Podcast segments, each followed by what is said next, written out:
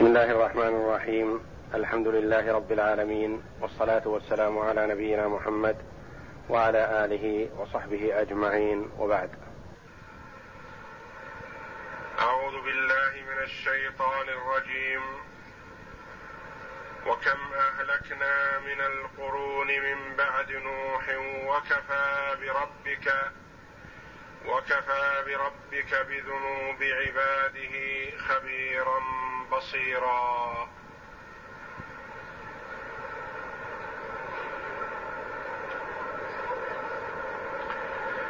يقول الله جل وعلا وكم أهلكنا من القرون من بعد نوح.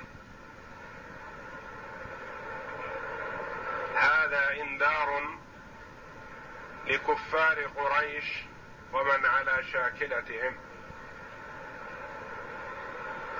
الذين كذبوا محمدا صلى الله عليه وسلم.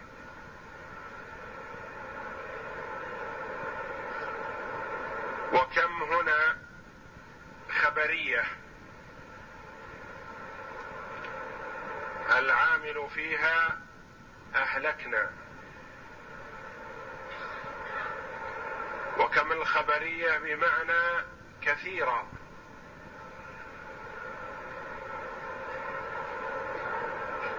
كثيرا من القرون أهلكنا. من بعد نوح.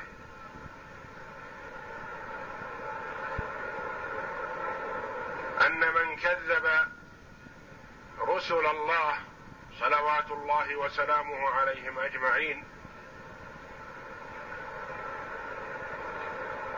فهو متوعد بالوعيد الشديد.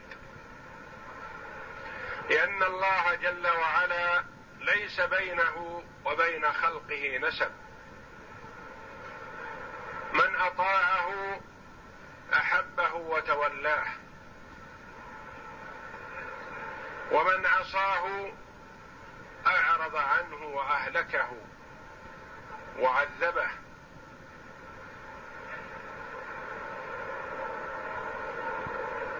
وكم أهلكنا من القرون من بعد نوح.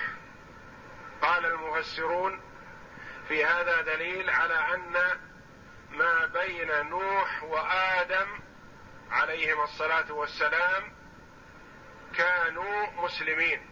قال ابن عباس رضي الله عنه بين آدم ونوح عشرة قرون كلهم على الإسلام.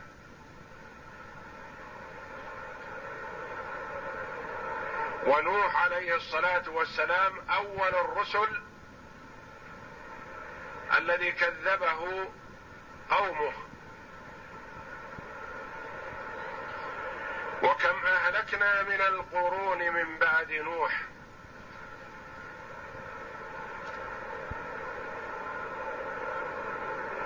أي انتبهوا يا كفار قريش ان المكذب بالرسل المكذب للرسل يستحق الهلاك. وقد أهلك الله من كذب. وأنتم لستم بأكرم على الله من أولئك الذين أهلكهم. ونبيكم محمد صلى الله عليه وسلم هو أكرم الخلق على الله وأفضل الرسل صلوات الله وسلامه عليهم أجمعين. فإذا كذبتموه فإنكم تستحقون العذاب. وكفى بربك بذنوب عباده خبيرا بصيرا. كفى بربك. الباء بربك داخلة على الفاعل. أصلها كفى ربك. وتدخل على الفاعل إذا أريد بالفعل المدح أو الذم. وإذا لم يرد بالفعل لا مدح ولا ذم تدخل الباء على الفاعل حينئذ. لا تقول قام بزيد وأنت تريد قام زيد. وتقول كفى بالله وليا كفى بالله ناصرا. فالاسم الكريم فاعل كفى.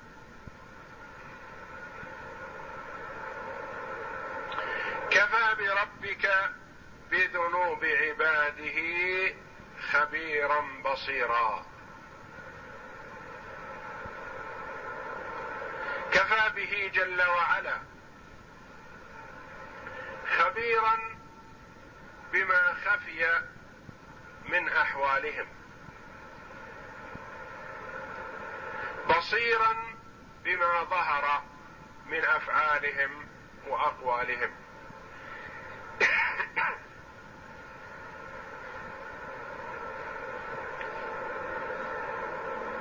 فهو جل وعلا لا يعذب من لا يستحق العذاب. فهو إذا عذب عذب عن علم واطلاع.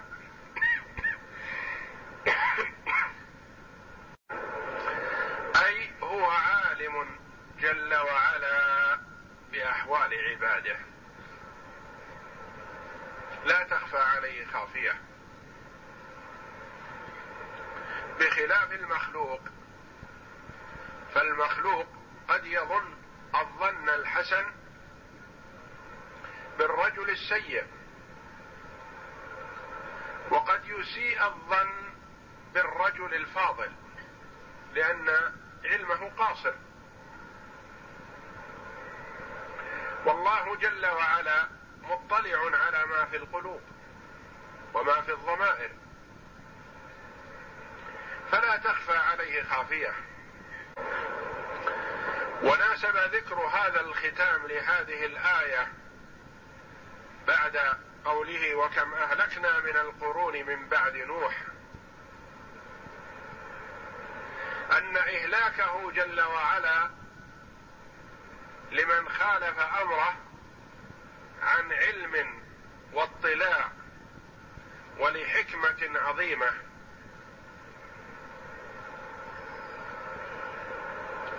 فهو جل وعلا لا ينتقم من غير المسيء. فهو جل وعلا عالم بأحوال عباده. ما خفي منها وما ظهر. وكفى بربك بذنوب عباده خبيرا. خبيرا بما خفي من أحوالهم. لا يطلع عليه الناس. بصيرا بما ظهر من أحوالهم.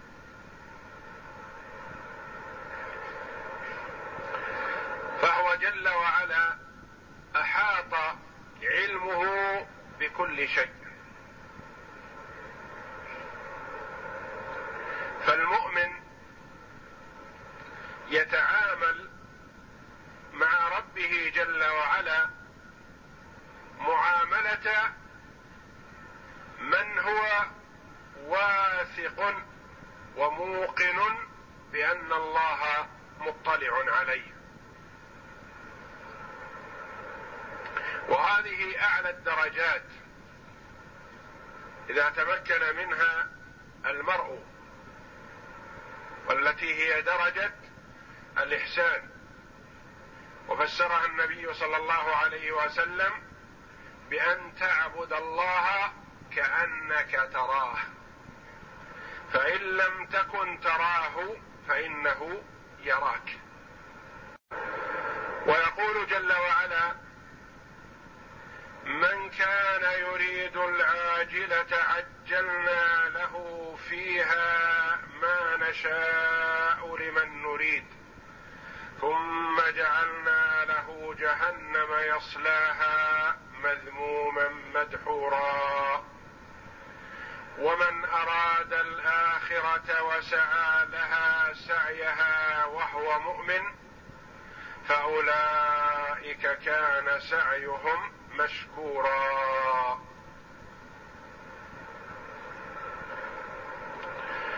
يبين جل وعلا أن العاملين في هذه الدنيا على نوعين. من يعمل للآخرة فقط. من يعمل للآخرة جل اهتمامه الآخرة. ومن يعمل للدنيا فقط.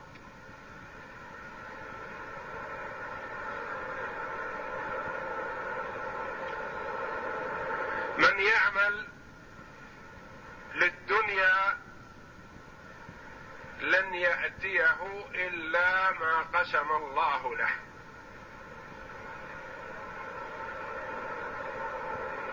ومن عمل للآخرة أعطاه الله جل وعلا ما قسم له في الدنيا وادخر له الثواب العظيم في الدار الآخرة. من كان يريد العاجلة يعني يريد بعمله العاجلة والعاجلة الدنيا الحياة الدنيا.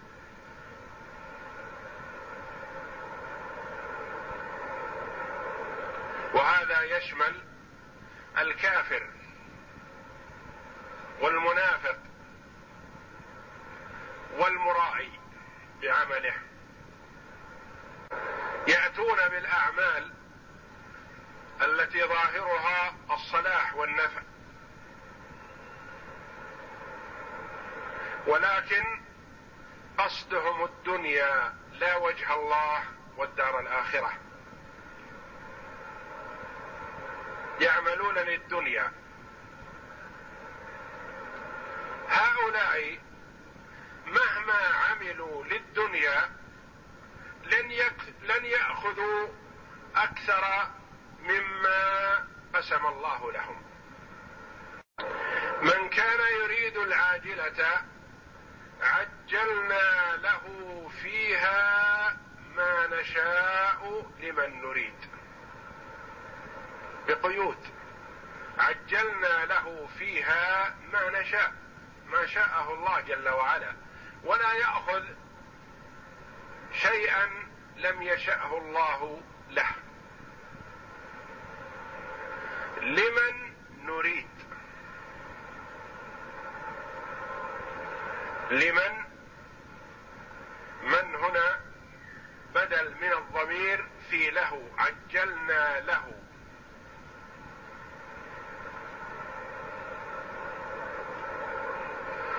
أعطيناه ما شئنا بإرادتنا. وهناك من يعمل للعاجلة ولا يعطيه الله شيئا.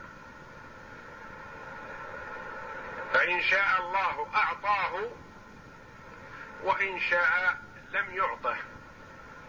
ما عمل له.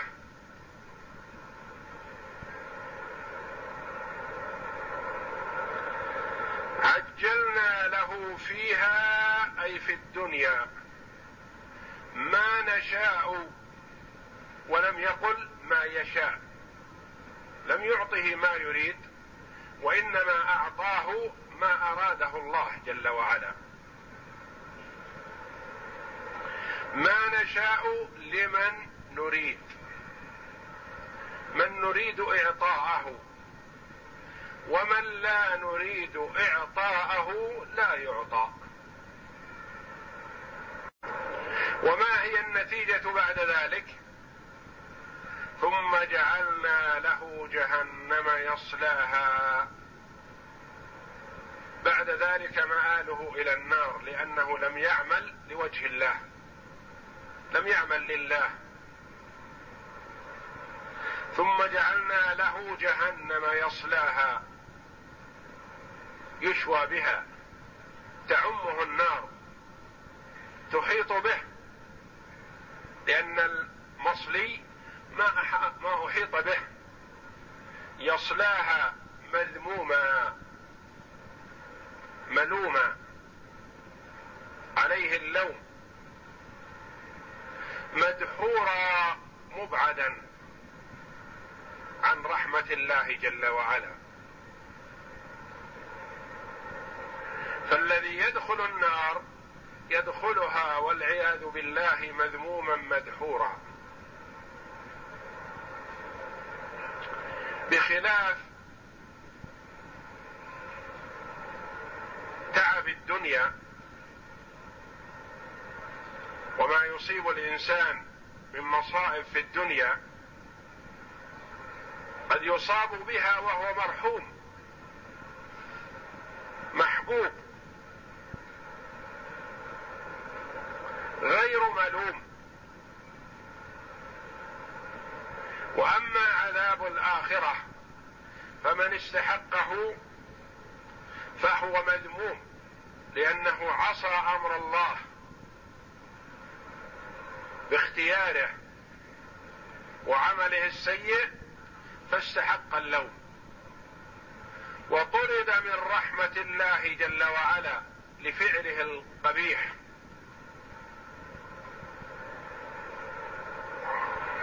فهو معذب حالة كونه مذموما من قبل الله جل وعلا مذموما من قبل الملائكة عليهم الصلاة والسلام مذموما من قبل عباد الله الصالحين. مدحورا مبعدا عن رحمة الله جل وعلا.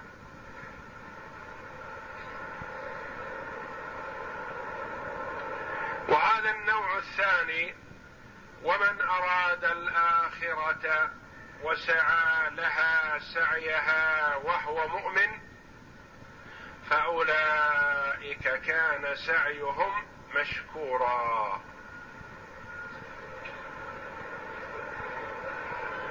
ومن أراد الآخرة لم يعمل من أجل الدنيا وإنما عمل من أجل الآخرة. عمل لوجه الله. عمل فرارا من عذاب الله. عمل طلبا لمرضاة الله جل وعلا. ومن أراد الآخرة الحياة الآخرة الحياة الأبدية أراد الحياة المستمرة التي لا انقطاع لها يعني عمل من أجلها وسعى لها سعيها. مجرد الإرادة في القلب فقط. كل يحب الجنة ويريدها لكن لا بد من السعي لها وسعى لها سعيها. عمل العمل المناسب واللائق بها. عمل الصالحات واجتنب المحرمات. وهو مؤمن مخلص لله جل وعلا. أراد الآخرة وعمل لها الأعمال الصالحة وآمن بالله جل وعلا. وبملائكته ورسله واليوم الآخر وبالقدر خيره وشره. أتى بأركان الإيمان التي بينها المصطفى صلى الله عليه وسلم. في حديث جبريل حينما جاء جبريل يسأل النبي صلى الله عليه وسلم عن الإسلام والإيمان والإحسان. بين له الإيمان قال أن تؤمن بالله وملائكته وكتبه ورسله واليوم الآخر وبالقدر خيره وشره.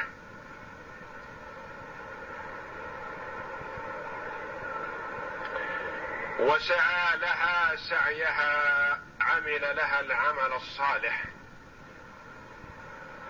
لا بد من ذلك. وهو مؤمن. مصدق مخلص لله لا منافق ولا مرائي فأولئك هؤلاء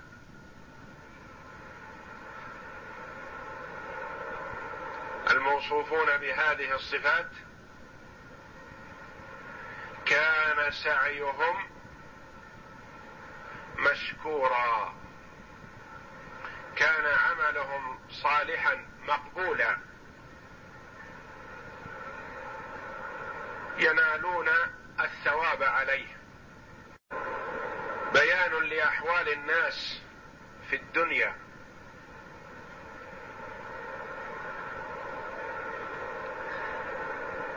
منهم من يريد الدنيا ومنهم من يريد الآخرة. منهم من يعمل من أجل دنياه فقط لحقن دمه ولحفظ ماله أو لحفظ مركزه في المجتمع. يعمل اعمالا ظاهرها الصلاح لكنها ليست من أجل الله. وإنما لأجل أن المجتمع الذي فيه يحتم عليه أن يعمل هذا العمل أو يتطلب منه ذلك أو إن لم يتعمل هذا العمل مقت عند الناس وأبغض فهو يعمل لا من أجل الله وإنما من أجل الحفاظ على ما يريد المحافظة عليه. فهذا لا يأتيه من الدنيا كل ما يريد وإنما يعطيه الله جل وعلا من الدنيا ما قسم له. ثم مآله بعد ذلك والعياذ بالله إلى جهنم وبئس المصير. والآخر يعمل لله جل وعلا ومن أجل الله ويلتمس رضا الله ولو سخط الناس عليه.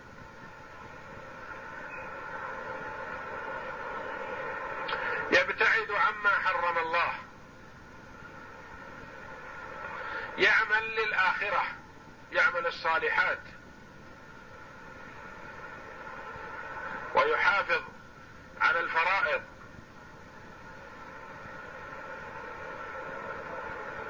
يتقرب إلى الله جل وعلا بما يحبه الله.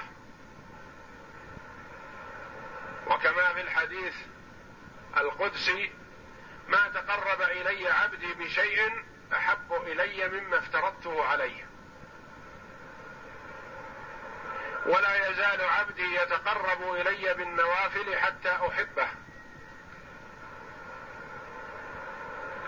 فالإكثار من النوافل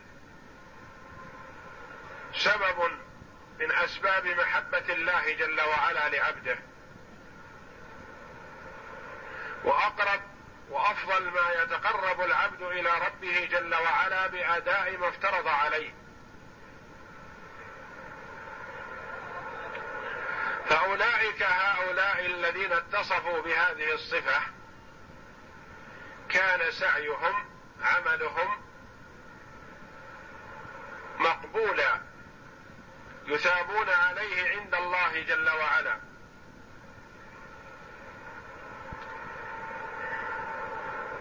روى الإمام أحمد رحمه الله عن عائشة رضي الله عنها قالت قال رسول الله صلى الله عليه وسلم الدنيا دار من لا دار له. ومال من لا مال له. ولها يجمع من لا عقل له. إذا جعل الإنسان جل همه الدنيا فإنه منتقل وتاركها أو مسلوبة منه في حال حياته. فهي ليست بدار قرار لا تدوم لصاحبها.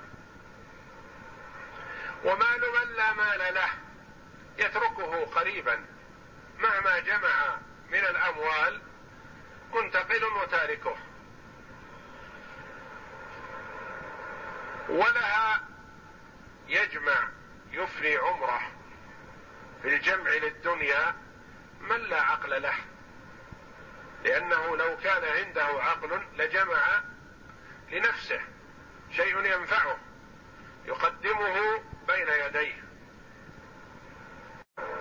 ومن أراد الآخرة وسعى لها سعيها فأولئك كان سعيهم مشكورا. وقوله جل وعلا من كان يريد العاجلة عجلنا له فيها ما نشاء لمن نريد. ما نشاء لمن نريد. مخصص لآيات عامة مثل قوله تعالى من كان يريد الحياة الدنيا وزينتها نوف إليهم أعمالهم فيها وهم فيها لا يبخسون. وذلك أن العطاء مقيد بمشيئة الله جل وعلا. فمن أراد الدنيا لا يعطى كل ما أراد وإنما يعطى ما أراده الله جل وعلا وشاءه له وقدره له أزلا ومن أراد الآخرة وسعى لها سعيها لا يحرم من الدنيا بل يعطيه الله جل وعلا ما قدره له. فرزقه من الدنيا آتيه لا محالة. وإن أعرض عنه فإنه سيطلبه ويبحث عنه. الرزق يأتي لصاحبه. إذا اتكل على الله جل وعلا. مع أنه مأمور بفعل الأسباب. ويقول الله جل وعلا كلا نمد هؤلاء وهؤلاء من عطاء ربك. وما كان عطاء ربك محظورا. انظر كيف فضلنا بعضهم على بعض. وللآخرة أكبر درجات وأكبر تفضيلا. كلا نمد كلا التنوين في كلا عوض عن المضاف إليه. كلا من الفريقين. كل فريق من الفريقين نمد نعطي عطاء باستمرار. لأن الله جل وعلا لا يحرم الكافر الرزق لكفره. فقد تكفل بأرزاق عباده في الدنيا. فهو جل وعلا لا يمنع الكافر العطاء لكفره وخبثه بل يعطيه من الدنيا. لأن الله جل وعلا يعطي الدنيا من أحب ومن لا يحب. كلا نمد كل واحد من الفريقين السابقين من أراد الحياة العاجلة ومن أراد الآخرة. والإمداد العطاء المتواصل. ليس عطاء دفعة واحدة. وإنما يمد جل وعلا الخلق بالرزق. مؤمنهم وكافرهم. كلا نمد هؤلاء الأخيار الذين أرادوا الآخرة وهؤلاء الذين أرادوا الدنيا. كلا نمد هؤلاء وهؤلاء من أين؟ من عطاء ربك. لا بحولهم ولا بقوتهم بل ما يأتيهم عطاء من الله جل وعلا. فالرزق من الله جل وعلا. والله جل وعلا جعل عمل عبد عمل وأحيانا يعمل ويأتيه مقابل عمله.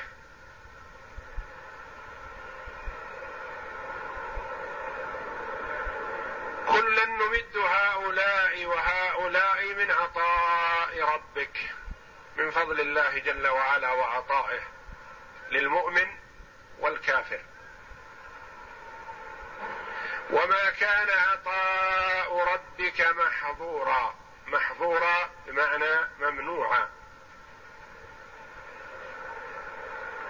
فهو جل وعلا لا يمنع الكافر الرزق ولا أحد يستطيع أن يمنع رزق أحد. وما كان عطاء ربك محظورا ممنوعا. لا يمنعه جل وعلا هو من خلقه ولا أحد يستطيع المنع لرزق الله جل وعلا. وما كان عطاء ربك محظورا. انظر. كيف فضلنا بعضهم على بعض. يجوز أن يكون المراد الأمر للنبي صلى الله عليه وسلم وتراد الأمة معه تبع والخطاب له. ويجوز أن يكون الخطاب لكل من يتأتى خطابه ممن يعقل. يقال لكل إنسان انظر انظر كيف فضلنا بعضهم على بعض في الدنيا. كيف فضلنا بعضهم على بعض. هذا عالم وهذا جاهل. هذا عاقل وهذا مجنون. هذا غني وهذا فقير. هذا قوي وهذا ضعيف. وبينهما درجات. وتفاوت كبير. انظر كيف فضلنا بعضهم على بعض. وللآخرة أكبر درجات وأكبر تفضيلا. هذا التفضيل في الدنيا الشيء الذي تدركونه وتحسون به تجد هذا قوي. وشديد. ورزقه قليل ضعيف. وهذا ضعيف عاجز. وعنده الرزق الكثير. وهذا ضعيف البدن. عالم بأحكام الله جل وعلا. وهذا قوي جاهل لا يدرك شيئا. تفاوت عظيم في الخلق.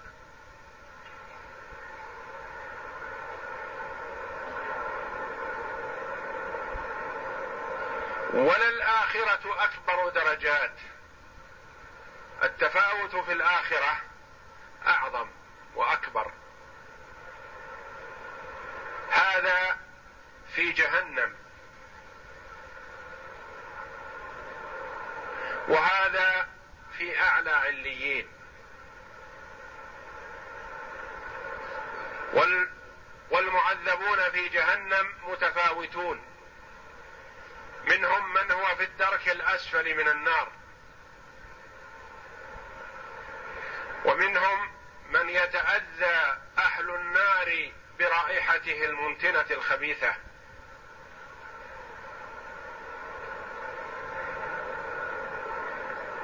ومنهم من هو أخف عذابا. وكذا أهل الجنة. فالجنة كما قال عليه الصلاة والسلام مئة درجة. بين كل درجة وأخرى كما بين السماء والأرض. ويقول عليه الصلاة والسلام كما في الصحيحين إن أهل الدرجات العلى ليرون أهل عليين كما ترون الكوكب الغابر في, في أفق السماء. أهل الدرجات العلى في الجنة يرون أهل عليين كما يرى أهل الدنيا النجم.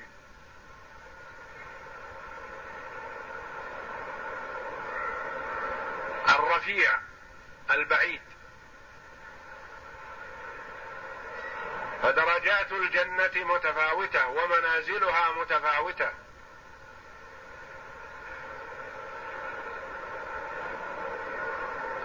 وأدنى أهل الجنة منزلة. يأخذ بمقدار الدنيا منذ أن خلقها الله إلى أن يفنيها اضعافا مضاعفة. وللآخرة أكبر درجات وأكبر تفضيلا. وذلك تشويق للعباد للجد والاجتهاد في الأعمال الصالحة. لأنه بكل عمل صالح يأخذ له مقابل من الله جل وعلا. المؤمن يدخل الجنة بفضل الله ورحمته وينال منزلته في الجنة بعمله. فلا يدخل المؤمن الجنة بعمله وإنما يدخلها بفضل الله جل وعلا وجوده وكرمه. ثم يأخذ منزلته في الجنة بقدر عمله. بقدر ما قدم من الأعمال الصالحة. وتحذير لمن أعرض عن طاعة الله. بأن العقوبة شديدة في الدار الآخرة. وأن النار دركات. بعضها أسفل من بعض وأشد عذابا. كما قال الله جل وعلا وويل للمصلين الذين هم عن صلاتهم ساهون الذين هم يراءون ويمنعون الماعون. ويل واد في جهنم. لو سيرت فيه جبال الدنيا لذابت من شدة حره. فالفضل عظيم في الدار الآخرة. كما أن العذاب شديد لمن عصى الله جل وعلا والفضل لمن أطاعه.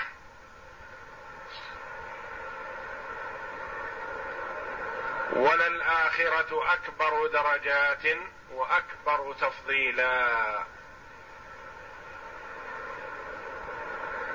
لما بين جل وعلا منازل الناس في الدار الآخرة وتفاوتهم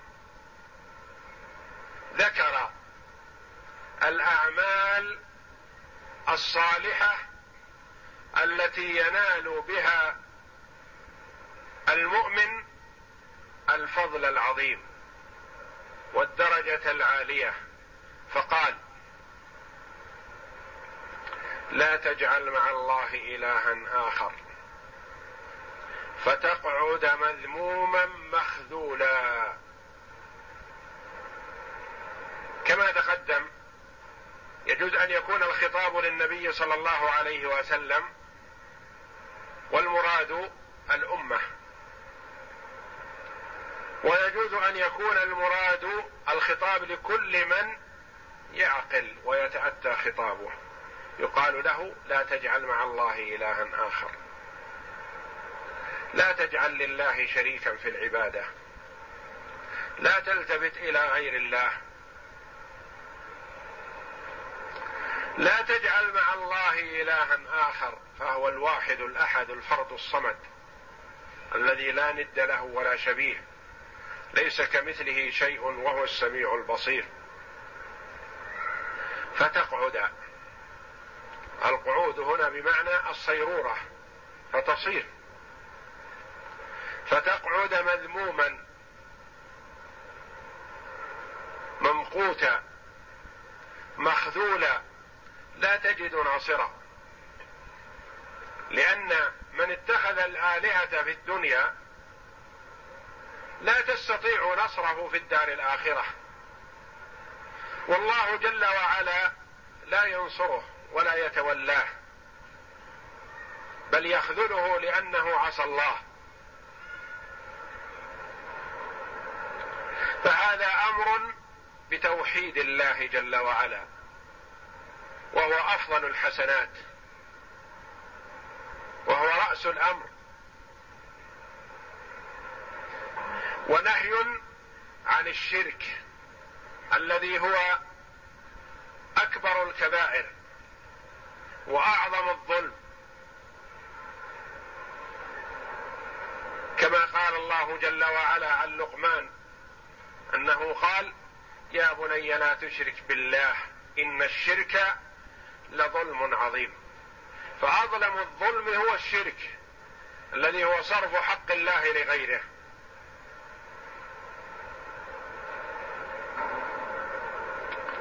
والشرك يكون شرك في العبادة. أو شرك في الطاعة. فالمعبود من دون الله كثير. وليست العبادة خاصة بالصلاة للآلهة والسجود لها أو الذبح لها.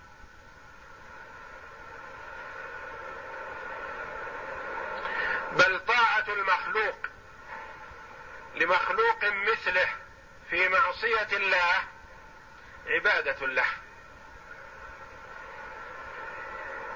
وهذا يسمى شرك الطاعة. إذا أطعت مخلوقا في معصية الله فقد عبدته. واتخذته إلها ولا يلزم أن تقول له يا ربي ولا يا إلهي. إذا أطيع في معصية الله قدمت طاعته على طاعة الله فيما تجب فيه الطاعة فقد اتخذ معبودا من دون الله. كما فسر ذلك النبي صلى الله عليه وسلم لعدي بن حاتم الطائي فقد جاء عدي مسلما إلى النبي صلى الله عليه وسلم بعدما كان تنصر. كان نصرانيا فجاء مسلما فسمع النبي صلى الله عليه وسلم يقرأ هذه الآية الكريمة. اتخذوا أحبارهم ورهبانهم أربابا من دون الله والمسيح ابن مريم. اتخذوا الأحبار والرهبان أربابا من دون الله. كما اتخذوا المسيح ابن مريم إلها من دون الله. قال عدي وكان يعرف ويفهم. يا رسول الله إنا لسنا نعبدهم. لسنا نعبد الأحبار والرهبان لأنه كان نصرانيا قبل أن يسلم. فقال النبي صلى الله عليه وسلم اليسوا يحرمون عليكم ما أحل الله فتحرمونه؟ ويحلون لكم ما حرم الله فتحلونه؟ قال بلى. يعني نطيعهم في التحريم والتحليل. إذا حرموا شيئا وإن كان حلالا حرمناه وإذا أحلوا شيئا وإن كان حراما حللناه أطعناهم في ذلك. فقال عليه الصلاة والسلام فتلك عبادتهم. هذه العبادة. لأن الطاعة في التحريم والتحليل نوع من أنواع العبادة. مثل الذبح والتوكل والتضرع والدعاء. هذه أنواع عبادة إذا صرفت لغير الله جل وعلا كان المرء مشركا والعياذ بالله كافرا حابط العمل لا تجعل مع الله إلها آخر. ولو عبد المرء ربه وعبد معه غيره غيره بطل عمله وحبط لأن الله جل وعلا لا يقبل من العمل إلا ما كان خالصا لوجهه. من كان له من كان عمله له ولغيره فلا يقبله الله جل وعلا. قد يظن المرء أنه إذا صلى لله وصام لله وزكى لله وحج لله ثم طلب من الأموات شيئا فإن عمله الأول محفوظ له عند الله وعمله الثاني لا يضره. فليس الأمر كذلك بل المرء إذا عبد غير الله في نوع من أنواع العبادة بطل كل عمله. كما قال الله جل وعلا ولقد أوحي إليك وإلى الذين من قبلك لئن أشركت ليحبطن عملك ولتكونن من الخاسرين. بل الله فاعبد وكن من الشاكرين. بل الله فاعبد اعبد الله وحده لا شريك له. وتقديم المعمول يفيد الحصر. أي اجعل العبادة لله وحده. بل الله فاعبد. مثل قوله إياك نعبد وإياك نستعين.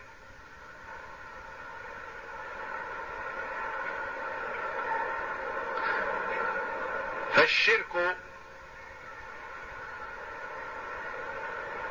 الأكبر محبط للعمل كله.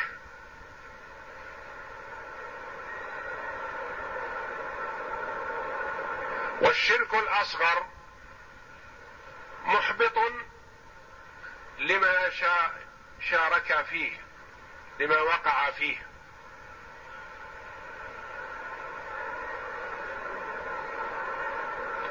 لا تجعل مع الله إلها آخر فتقعد مذموما مخذولا.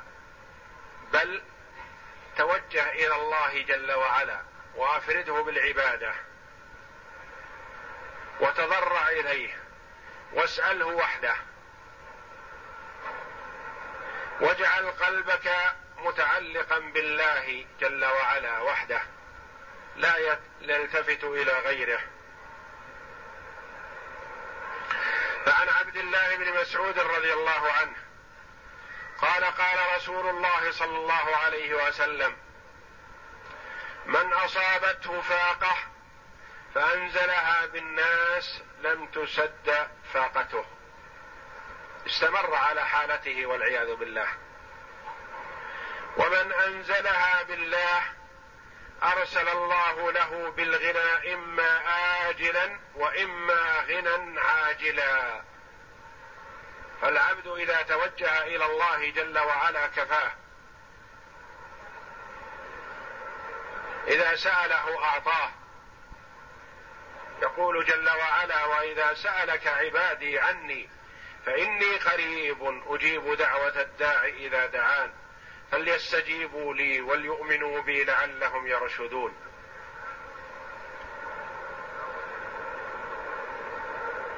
فالله جل وعلا قريب من عباده.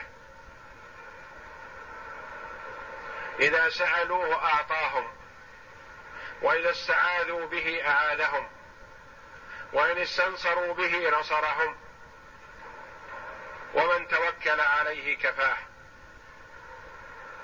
فحري بالمؤمن الذي يريد نجاة نفسه أن يحرص على التعلق بالله جل وعلا دائما وأبدا ويعتصم به ويتوجه إليه وحده لا شريك له ويفعل الأسباب التي فيها النجاة والسعادة الإكثار من الأعمال الصالحة والعمل لما ينفعه في دنياه وآخرته. والله أعلم. وصلى الله وسلم وبارك على عبده ورسول نبينا محمد وعلى آله وصحبه أجمعين.